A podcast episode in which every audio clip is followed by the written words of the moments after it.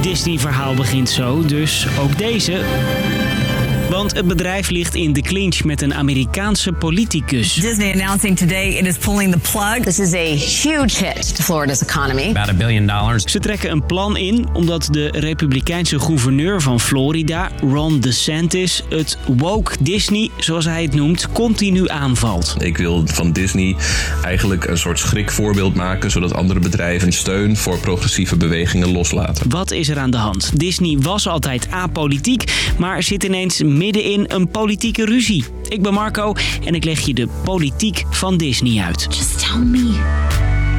Lang verhaal kort. Een podcast van NOS op 3 en 3FM. Disney ken je vast wel van al deze animatiefilms. will live happily ever after. We are all connected in the great circle of life. You are on Pandora. Maar hoe begon het? Er was eens een man genaamd Walt Disney. Mr. Disney, can you still make a noise like Mickey Mouse? Well, uh, Mickey talks up like this. Hij begint bijna 100 jaar geleden een tekenfilmstudio. Hey, what's up? En bedenkt de muis met het rode broekje en de gele schoenen, Mickey Mouse. Hij zit al in een van de eerste tekenfilms van Disney, Steamboat Willie. Dan is hij nog zwart-wit.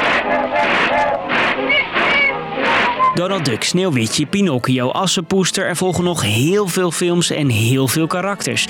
En je ziet ze in een wereld die best wel conservatief Een is. vrouw die wachtte totdat haar mooie prins kwam. En op het moment dat die eh, prins kwam, nou, dan wist ze haar plek ook achter het aanrecht. legt Dan Hassler Forrest uit. Hij is mediawetenschapper en weet bijna alles van Disney.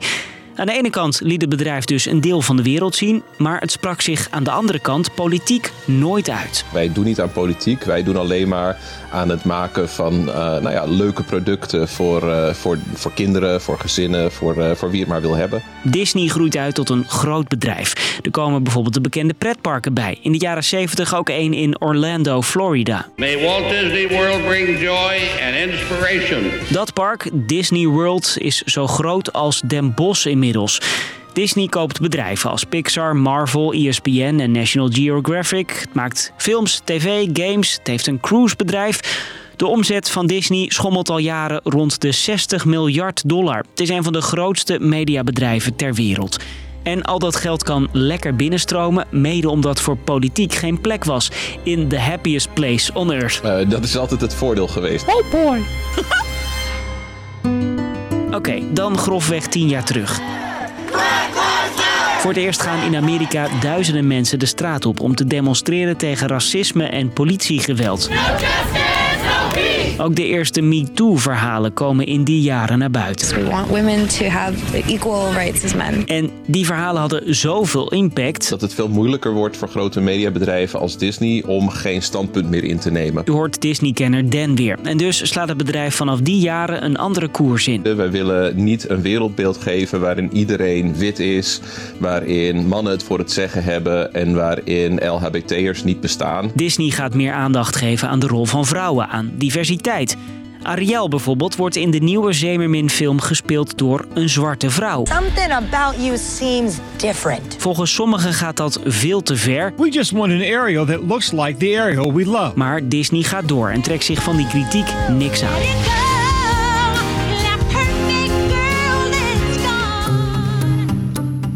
En nu is Disney ineens de hoofdrolspeler in een politieke ruzie. En dat heeft te maken met de Don't Say Gay-wet in Florida. Je weet wel, die staat waar ook dat grote Disney World ligt.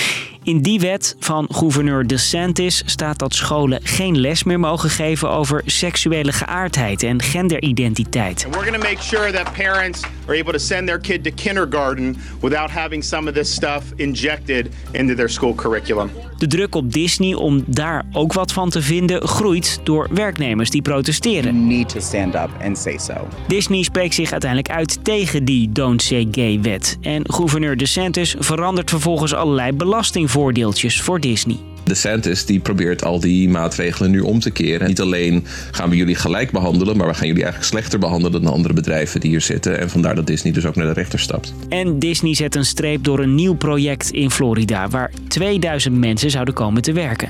En zo neemt het ooit apolitieke Disney beslissingen die heel politiek zijn in een verdeeld Amerika. En het doet nu juist geen stapje terug. Ze gooien er een schepje bovenop. We gaan voor het eerst in een Disney park nu ook Pride echt uitgebreid vieren. Uh, als een soort van middelvinger naar de DeSantis van oké, als je het zo wil spelen, dan, uh, dan, gaan wij, uh, dan wordt het inderdaad oorlog. Dus lang verhaal kort. In het land van Mickey Mouse, Donald Duck en Bambi was voor politiek nooit plek. Maar dat is de laatste jaren veranderd met Vaiana, Frozen en Encanto. Het mediabedrijf wil films en producten maken voor iedereen en zet juist in op diversiteit. En daarom vallen die nieuwe wetten van Ron DeSantis in Florida helemaal verkeerd bij Disney. En dat was hem weer. En dan geef ik nu het laatste woord aan Pluto. Ja, juist. Dag.